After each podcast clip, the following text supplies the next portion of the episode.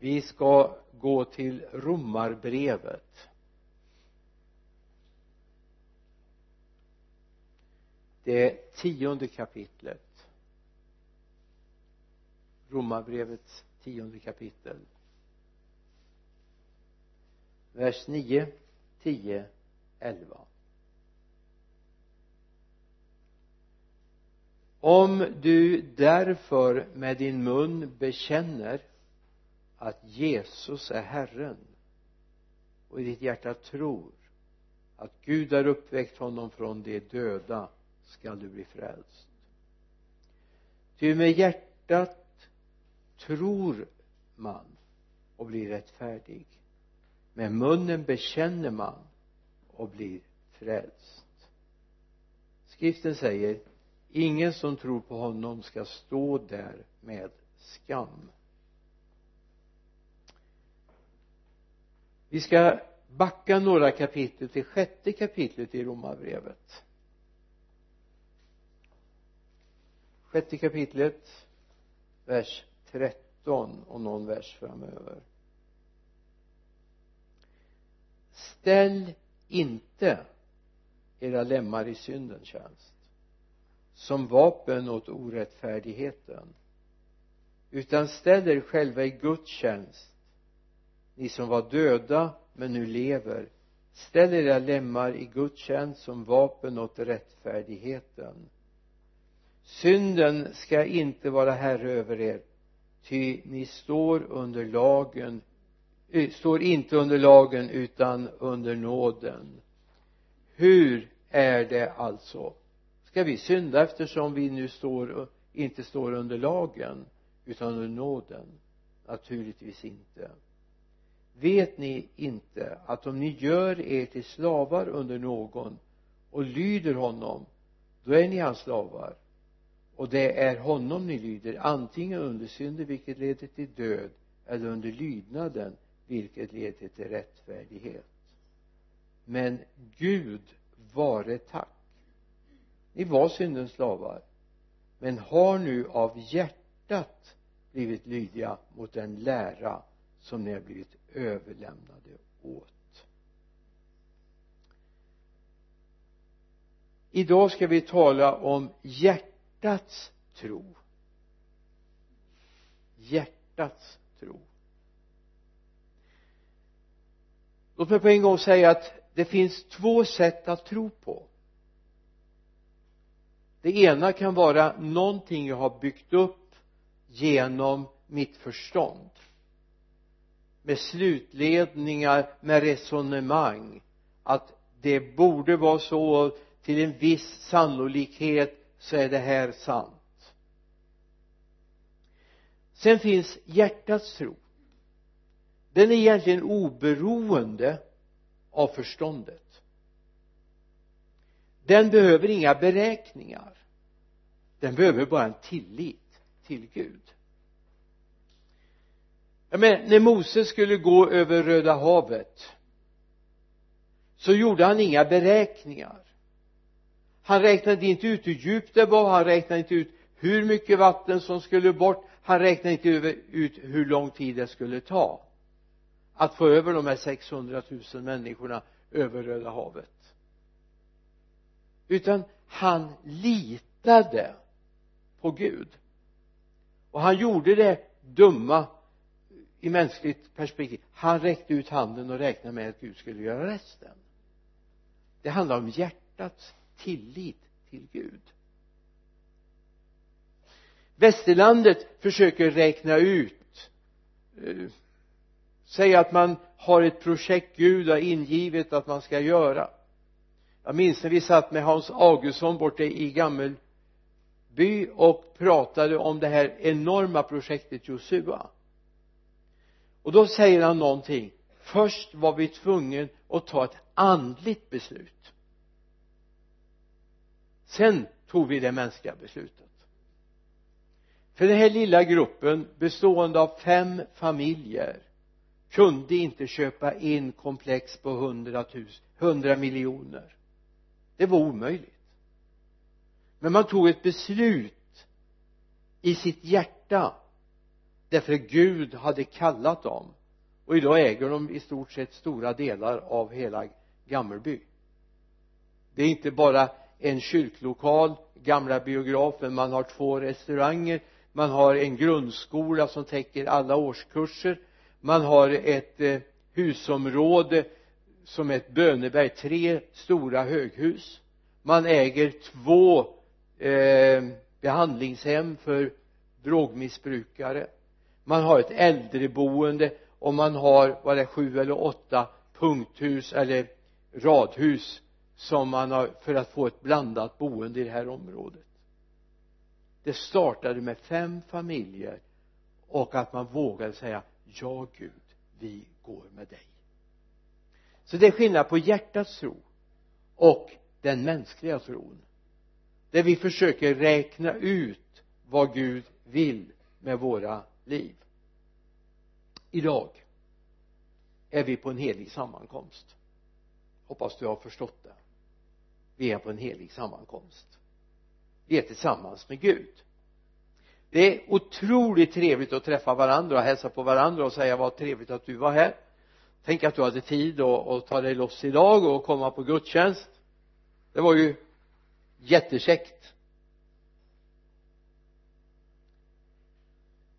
Men det här är inte en sån träff egentligen. Det här är en helig sammankomst. Vi är här därför Gud har kallat oss samman.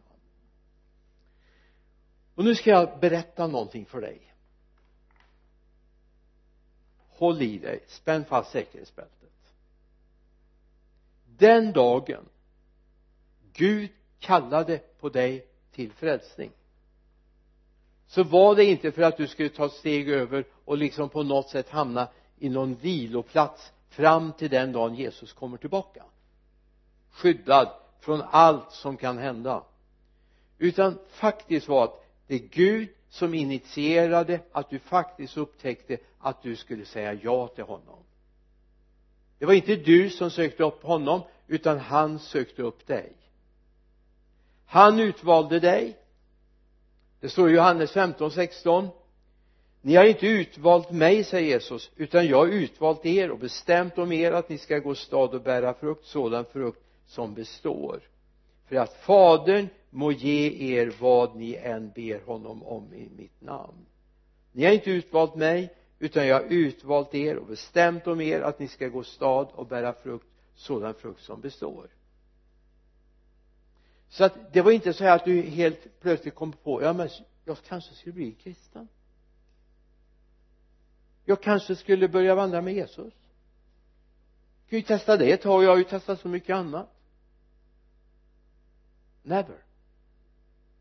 Är du på den bogen då är det tid att omvända sig och bli frälst. För det handlar faktiskt om Guds kallelse. Gud har kallat dig. Och får jag ta en bild för att förklara på vilken bog du är, var, var du är? Tänk dig att Gud har ett landslag. Ett jättebra landslag. Eller nej jag, jag egentligen gillar jag inte den bilden men, men för att du ska förstå. Gud har en jättebra armé. Och han tänker besegra den onde på alla dess punkter i den här världen. Han tänker besegra den onde även på marken. Han har vunnit segern i luften han har vunnit den andliga segern. Nu ska varje fäste som djävulen har på den här jorden nu ska den besegras. Och du är kallad att vara med i hans armé. Han tänker inte ha dig som reservist. Alltså en sån där som är hemma och, och har det ganska trevligt. Och skulle det bli lite illa så kanske de i bästa fall kallar på dig att vara med och strida för Gud. Gud har inga reservister. Gud har bara de som är kallade i strid. Och nu är vi samlade därför Gud ska besegra varje ondskans fäste.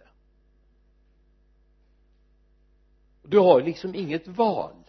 Om du har sagt ja till honom så sa du också ja till utkårelsen, kallelsen uppdraget. Gud är den som ska leda. Han är vår härförare. Och du är kallad. Och nu har du bara en enda sak att göra och säga Gud var vill du ha mig? Var vill du ha mig? Var vill du att jag ska vara med i underhållet i eh, försörjningen eller där ute vid fronten? Gud var vill du ha mig? Jag tror inte vi behöver något eh, eh militärsjukhus för att ta hand om skadade. Jag, jag tror inte det. Gud fixar det. Utan vi kanske behöver ha underhåll vi kanske behöver föra fram mer förstärkning. Och det här är viktigt att vi inser att Gud har kallat dig. Och det här tror jag inte du har förstått än. Nu samlas vi till gudstjänst därför att vi ska uppmuntra varandra till tro och heliga gärningar. Du har inte utvalt Gud. Gud har utvalt dig. Gud har bestämt någonting med ditt liv. Och du sa ja en dag när Gud kallade dig och då kallade han dig till att tjäna honom hundra procent. Du är ingen reservist utan du är med i hans armé. Och du ska vinna för Guds rike. Alltså jag säger som en gammal förkunnare sa han hemma hos Herren sedan många många år. C.G.L. han sa så här och han var väl, han var lite grov sådär jag ska inte säga vulgär men lite grov i sina uttryck.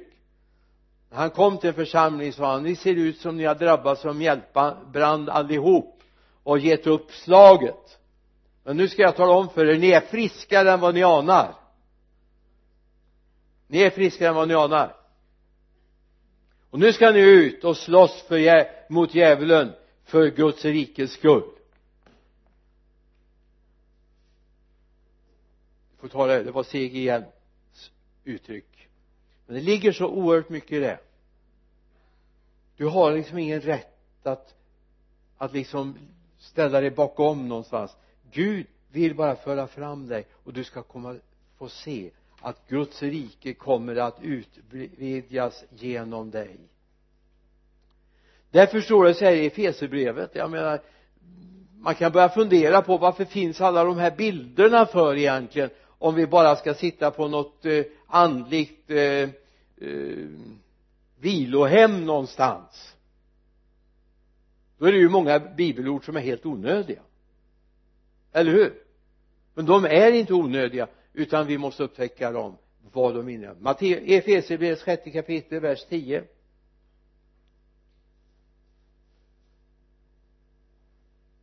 det här är ett bibelord för icke eller inte för dem som sitter på andliga vilohem utan för dem som vill vara med i striden. Till sist bli starka i Herren och i hans väldiga kraft. Vi fortsätter fram till vers 13 så vi får med det. Där ta på er hela Guds vapenrustning så att ni kan stå emot djävulens listiga angrepp. Ty vi strider inte mot kött och blod utan mot förstar och väldigheter och världshärskare här i mörkret med ondskans ande, mot ondskans andemakter i himlarna.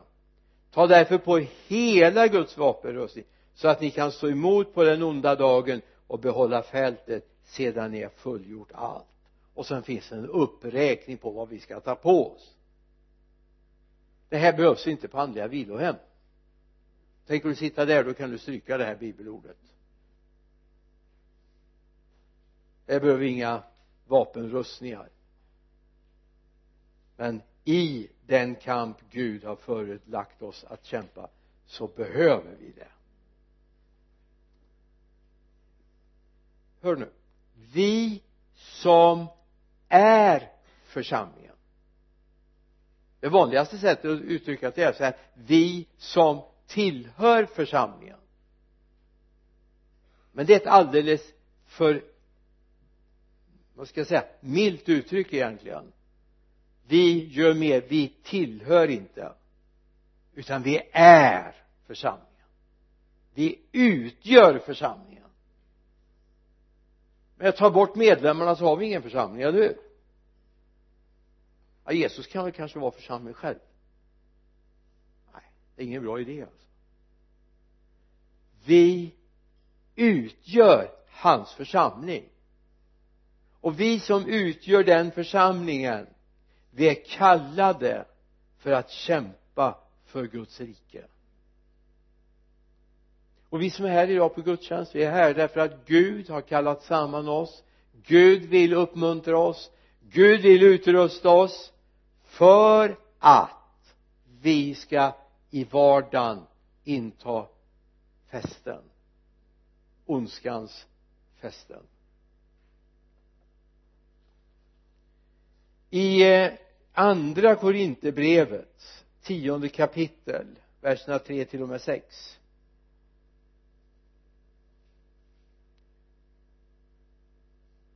är det inte lönt att lägga undan bibeln länge vet ni? Det är inte långa stunder. Ty även om vi lever här i världen strider vi inte på världens sätt. De vapen vi strider med är inte svaga utan makt inför Gud att bryta ner fästen. Ja vi bryter ner tankebyggnader och allt högt som reser sig upp mot kunskapen om Gud och vi gör varje tanke till en lydig fånge hos Kristus och är beredd att straffa all olydnad så snart ni har blivit fullkomligt lydiga. Ty vi lever här i världen ja men inte av världen. Och vi strider inte på den här världens vis utan vi strider med det Gud har gett oss. Gud, vi strider med det Gud har gett oss de vapen som är mäktiga inför Gud. De är så mäktiga så vi kan bryta ner fästen för ondskan. Vi kan bryta ner tankebyggnader som till och med ibland pockar på uppmärksamhet hos läsarna, hos de kristna. Där vi börjar tänka som världens människor tänker. Till och med de kan brytas ner för att vi ska bli ett villigt redskap i Guds händer. Eller hur? När jag var ska jag säga vet inte hur jag ska uttrycka för många, för många år sedan i församlingar tidigare så fanns det en sång i sångboken som jag älskade väldigt mycket en liten stund med Jesus och vad det jämnar allt. Och ger åt hela livet en ny och ljus gestalt. Visst låter det fantastiskt? Wow! En liten stund. Och så jag bara tänkte Gud har inte kallat mig för ett litet gästspel hos honom.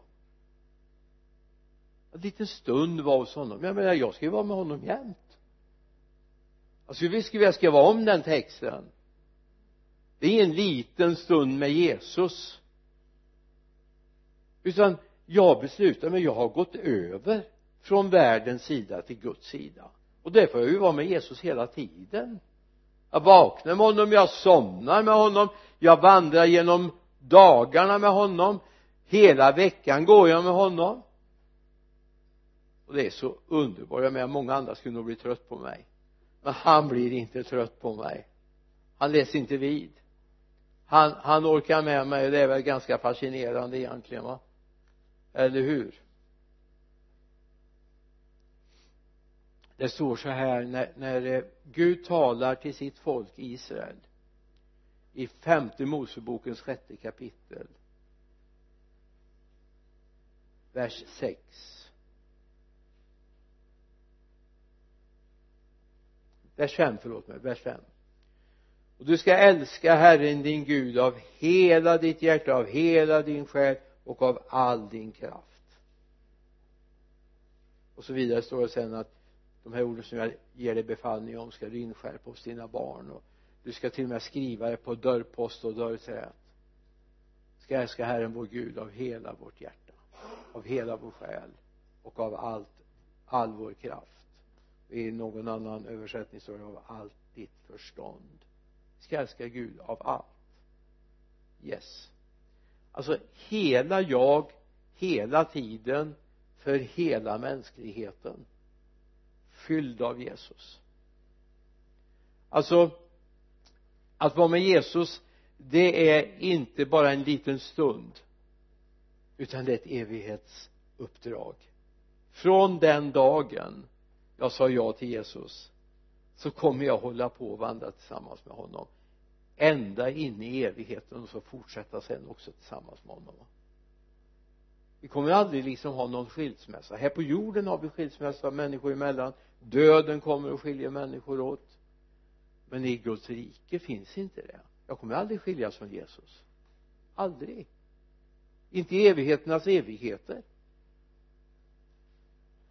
jag menar i äktenskapslöftet som är väl det på jorden det som ska vara mest fästa människor allra tryggast mot varandra så är det tills döden skiljer oss åt. Det har en och annan av er förmodligen lovat sagt ja till, eller hur? Men i Guds perspektiv. Finns inte det tills döden skiljer oss åt? Utan döden gör bara att vi kommer ännu närmare honom. Hallå? Vad är det rövaren på korset får höra? Idag ska du vara med mig i paradiset. Idag ska du vara med mig i paradiset. Och vi ska för alltid vara med Herren står det i Timoteusbrevet ska alltid vara med Herren. Och så står det i vers 18 där att så trösta nu varandra med dessa mina ord. Och en gumma som hade läst fel på det här så hon hon läste att tröska nu varandra med dessa mina ord. Men det är inte riktigt samma sak.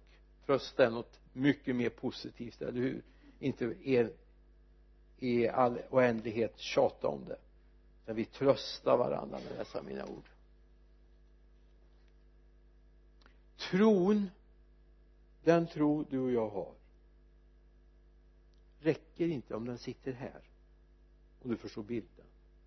Då är det lite svårt för er som eh, lyssnar via internet. Jag pekar på huvudet just nu. Bäst att tala om det för. Du vet jag behöver någon decimeter ner till hjärtat. Alltså tron enligt hjärnan den kan brista men tron i hjärtat är en passion för Jesus. I Hebreerbrevets elfte kapitel vers 1 står det någonting märkligt. Tron är en övertygelse om det man hoppas en visshet om det man inte ser. Tron är en övertygelse. Vad är det så? Jo din tro som har landat i hjärtat blir en övertygelse om det du ännu inte ser. Ja till och med en visshet om det som liksom inte finns framför dig än. En visshet. Men det är inte så att det är inte övertygelsen som ger tron utan tron ger övertygelsen är det klart? För det här är så grundläggande. Alltså eh, Petrus när han står i en situation så säger han till Jesus vi tror och förstår att du är Guds helige. Vi tror och förstår. Fina sliter ut dem viftar för mycket. Alltså tron skapar i mig en övertygelse. Har du kommit dit? Att Guds verk är en övertygelse. Vad är en övertygelse för någonting? En övertygelse det är någonting som människor inte kan med sina argument motbevisa. Alltså även om de tar till allra största anfallet och, och diskuterar om saker och ting och säger ja men så kan det inte vara. Så ja men det förstår man ju logiskt att det är så här säger man. Vi har en sån debatt om om eh, om försoningsläran just nu som pågår. Men det förstår ni väl? Att Gud som är kärlek inte kan han använda sin son för något så brutalt som att döda sin son. Det förstår ni väl att det inte går? Nej jag förstår inte det. Jag förstår att han var tvungen att dö för min synds skull. Varför då? Jo därför jag har en övertygelse som tron i hjärtat har gett tron i hjärtat har förklarat för mig att det här var nödvändigt. Men Jesus säger någonting. Jag kan ge mitt liv men jag kan också ta tillbaka det. Så gav han upp andan. Ja men något så bestialt. Ja men vi talar ju ändå om en kärleksfull Gud. Ja kärlek för vem? Kärlek för dig och mig så var han tvungen att offra sin son. Alltså det är viktigt att vi får en tro som ger övertygelse inte en övertygelse som skapar en ganska bristfällig tro.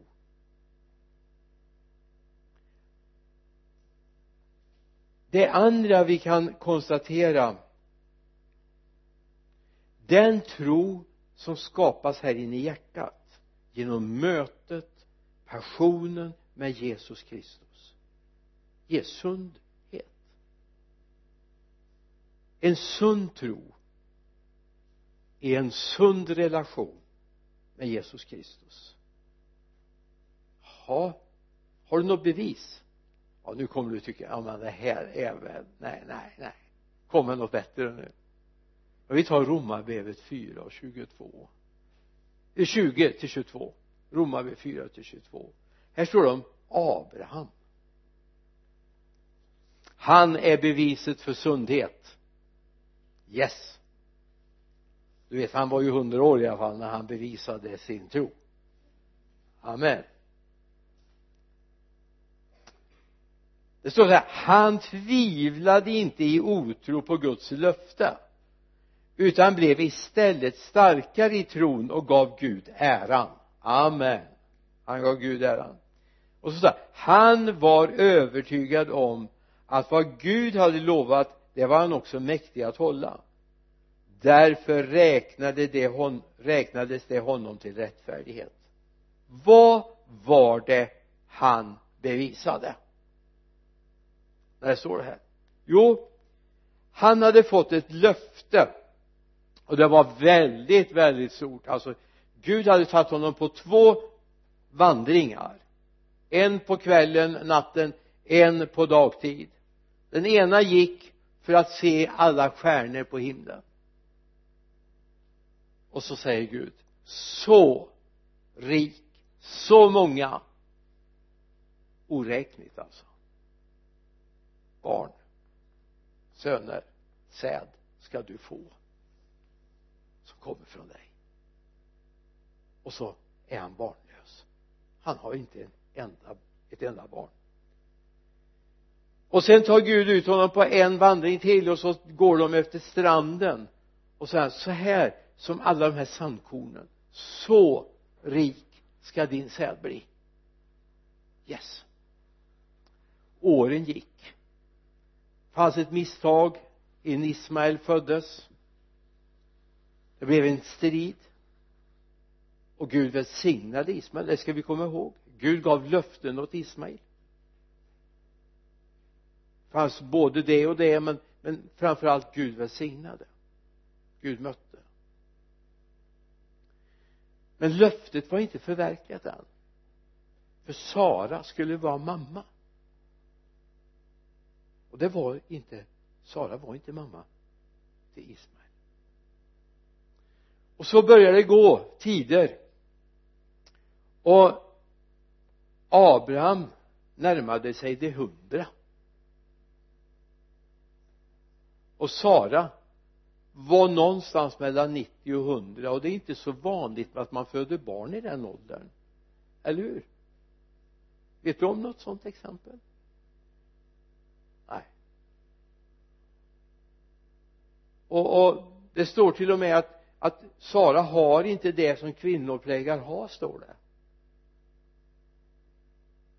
Alltså mänskligt sett omöjligt. Men han tvivlade inte på Guds löften i otro. Utan han menade att det Gud hade lovat skulle förverkligas. Om nu inte Sara hade kommit och, och stört lite grann i ritningarna och sagt ja men vet du, jag fixar inte det här men, men ta min tjänstekvinna istället men det var inte Guds plan. Alltså han hade fått en övertygelse. En övertygelse som grundades i hans tro i hjärtat.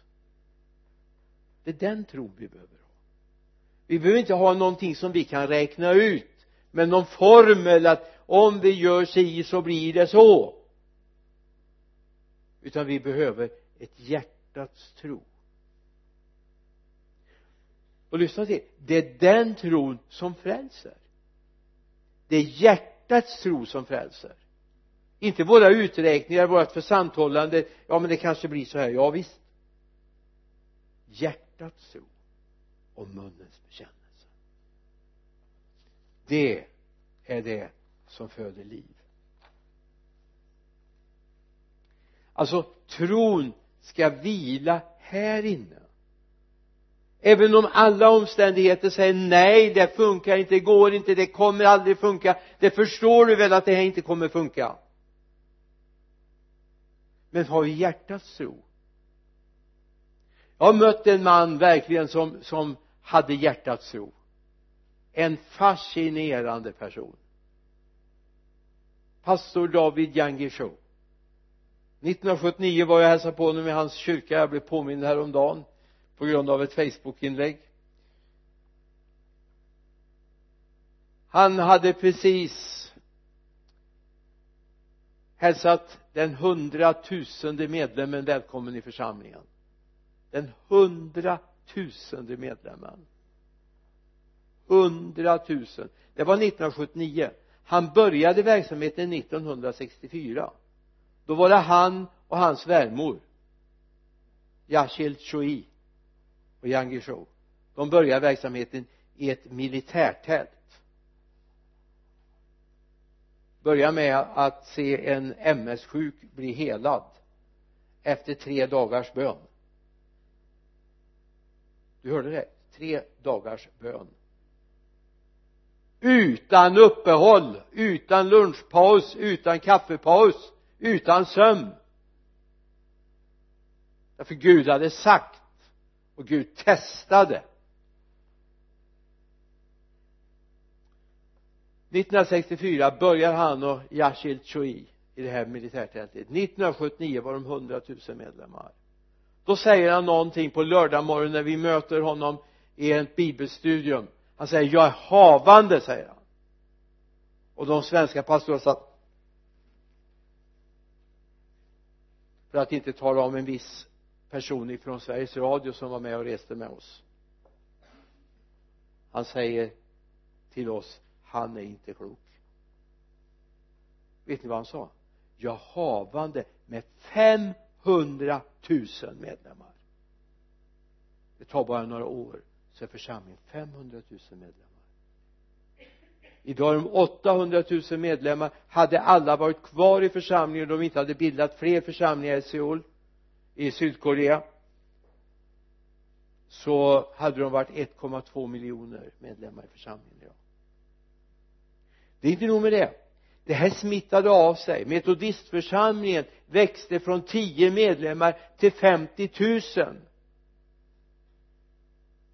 de hade sju gudstjänster på sjunde våningen i ett hus mitt inne i Seoul. Jag har varit där också. Och nu har de flyttat därifrån och byggt utanför stan den lutherska kyrkan som också hade etablerat sig i detta centrum Seoul växte så det sprakade. Det hade smittat av sig. Det var ingenting de behöll för sig själva. Det handlade om människorna som behövde uppleva Jesus. Men tron hade inte startat här utan startat här. Hjärtats tro gav en överbevisning i ande och kraft.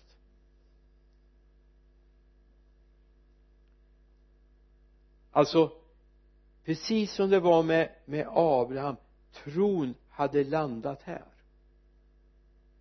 Men den behövde hit och när den kom dit när den landade där genom att Gud tog med honom på en vandring först med med, med stjärnorna sen med sanden på, på stranden så småningom en vandring via Isak när den skulle offras. Men Gud var trofast. Gud var trosfast. Så växer det och den här tron behöver vi i evangelisationssatsningar. Vi behöver det i kyrkbyggen. Vi behöver när det gäller människors helande. Så behöver vi en tro som har landat här i våra hjärtan. Där Jesus börjar leva här inne i oss. Tron lyssna är en passion. Tron är inte bara ett till för det är en passion. En passion för Jesus. Jag gör allt för honom. Det är en kärleksrelation. Du ska älska Herren din Gud av hela ditt hjärta. Vad uppstår då? jo då uppstår en passion. När hela hjärtat är uppfyllt av honom då älskar jag honom med hela min varelse det står i Johannes 6 jag citerar bara snabbt för att vi ska läsa det till Johannes 6 och 66 när Jesus liksom höjde snäppet lite grann och talade om att det handlar om någonting att bli min lärjunge. Det är liksom ingen sån här fan club. Det får du ha med frimärksföreningen. Församlingen är ingen fan club det är Guds församling. Då står det så här efter detta drog sig många av hans lärjungar tillbaka så att de inte längre följde honom. Jesus sa därför till de tolv inte vill också ni gå bort? Simon Petrus svarade honom herre till vem skulle vi gå? Du har det eviga livets ord. Vi tror och förstår att du är Guds helige. Vi tror och förstår alltså om hjärtat inte får upplysa ditt tankevärld så kommer du vandra i mörker. Och många vandrar i mörker i den kristna gemenskapen därför det tron finns bara i hjärnan. Och då ser vi bara omöjligheter. Då ser vi bara det som inte går. Men om tron får landa i vårt hjärta och uppfylla oss alltså när hela hjärtat är uppfyllt av kärleken till honom. När vi tror och vi förstår. Johannes eller Simon Petrus. Han förnekar Jesus tre gånger. Han till och med svär på att han inte känner den mannen. När Jesus är där på översteprästens förgård eller gård så förnekar han all kännedom om honom. Men var inte du en av dem? Men ditt tal. Avslöjar ju dig. Det är klart att du var en av dem. När han tredje gången har förnekat och hör tuppen gala så inser han det var ju precis det Jesus sa. Innan tuppen har galit så kommer du tre gånger ha förnekat mig en, två, tre. Brister han ut i gråt och det som är så underbart med Jesus han ger en hälsning, hälsa särskilt Petrus. Så när de eh, efter uppståndelsen möts så säger Jesus till honom Simon jag har någonting att säga till dig. Och säger han Simon Johannes son älskar du mig mer än dessa? Han svarade ja herre du vet att jag har dig kär. Jesus sa till honom för mina få, mina lamm i bete. För andra gången från Simon Johannes son älskar du mig? Han sa ja herre du vet att jag har dig kär. Jesus sa till honom var en herde för mina får. För tredje gången frågade han Simon Johannes son har du mig kär? Och Petrus blev bedrövad över att Jesus för tredje gången frågade har du mig kär? Han sa herre du vet allt. Du vet att jag har dig kär. Jesus sa för mina får på bete. Tre gånger förnekade han. Tre gånger fick han bedyra sin kärlek till Jesus i upprättelsen men vad händer i den här processen? Tredje gången sa du vet allt. Du har genomskådat mig Jesus. Du vet hur jag har det. Du vet precis vad jag har gjort. Och nu vet du och jag bedyrar. Jag har dig kär Jesus. Frågan är kan vi säga det med samma hjärta med samma innerlighet? Herre jag har dig kär. Du vet allt om mig för det är det som behövs. Vi måste få vara beredda att överlåta våra liv så att han får ta hand om oss. Och då handlar det inte om en tankeexperiment eller att jag har blivit bevisad av några argument. Det handlar inte om argument. Det kristna livet handlar inte om det. Det handlar om en tro som är grundad i kärleken till honom. Det handlar inte om argument. Det handlar om en enda sak. Jesus jag har dig kär. Du har fyllt mitt hjärta. Och jag tror och jag förstår att du är Guds helige. Det sista. Gud vill föra in oss i en trons lydnad. En trons lydnad. Romarbrevet 6 och 17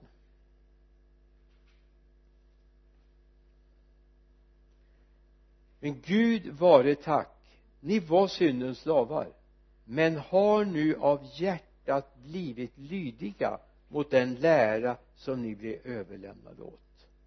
Ni har av hjärtat blivit lydiga. Alltså det var inte en vädjan till förståndet. Det är en vädjan till hjärtat. Och det handlar om det är vi av hjärtat lydiga mot honom? Det handlar inte om alla argumenten som kan framföras och det finns de som apologeter som är helt fascinerande idag. Jag läser gärna Stefan Gustafsson en fantastisk apologet alltså som kan förklara de bibliska sanningarna på ett fascinerande sätt. Det finns fler. Men jag tror inte för att de har bra argument. Fantastiska argument. Trovärdiga argument utan jag tror därför att Jesus har landat i mitt hjärta. Så jag menar även om bibeln skulle säga lyssna nu, lyssna nu, nu får du höra vad jag säger. Även om jag varje dag ser att solen går upp i öster och ner i väster. Det ser du också, eller hur? Vi är överens. Solen går först upp över Iran och där borta innan den kommer bort till oss va? Ja, visst skulle nu bibeln ha sagt bibeln har inte sagt men om bibeln skulle sagt att solen går faktiskt upp i väster och ner i öster så skulle jag tro på bibeln. Skulle jag tänka att verkligheten är fel. Hörde du att jag sa bibeln säger inte att solen går upp i väster och ner i öster?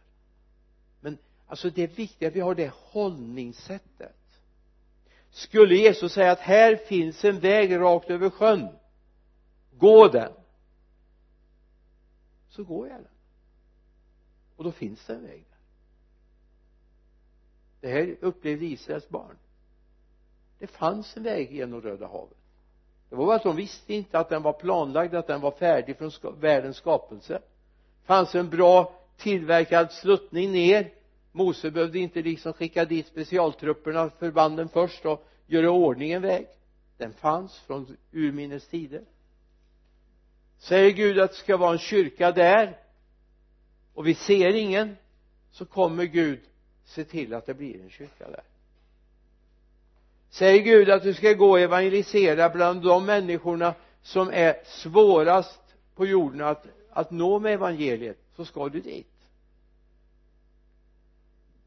Jag mötte i fredags en man som berättade för mig att eh, den 28 november, jag tror det var 28 november så åker han till en plats i Pakistan där det har varit stridigheter nu. Där det har varit mycket bilbomber. Men Gud har sagt att de ska dit och de ska förkunna evangeliet. Han sa vi åker. Gud har sagt det och Gud kommer att hålla sin hand över oss. Vi ska inte vara dumdristiga men vi åker ta familjen och åker dit för en 14 dagars kampanj. Ska undervisa på pastorskolor ska undervisa i, i bibelgrupper och de ska förkunna Guds ord på gator och torg. Och jag tror har Gud sagt att så kommer det här gå jättebra? Naturligtvis känner jag i mitt hjärta att jag ska be om beskydd över dem självklart. Men det handlar om en hjärtats tro. Den måste få landa i våra hjärtan och att vi får en lydnad för sanningen.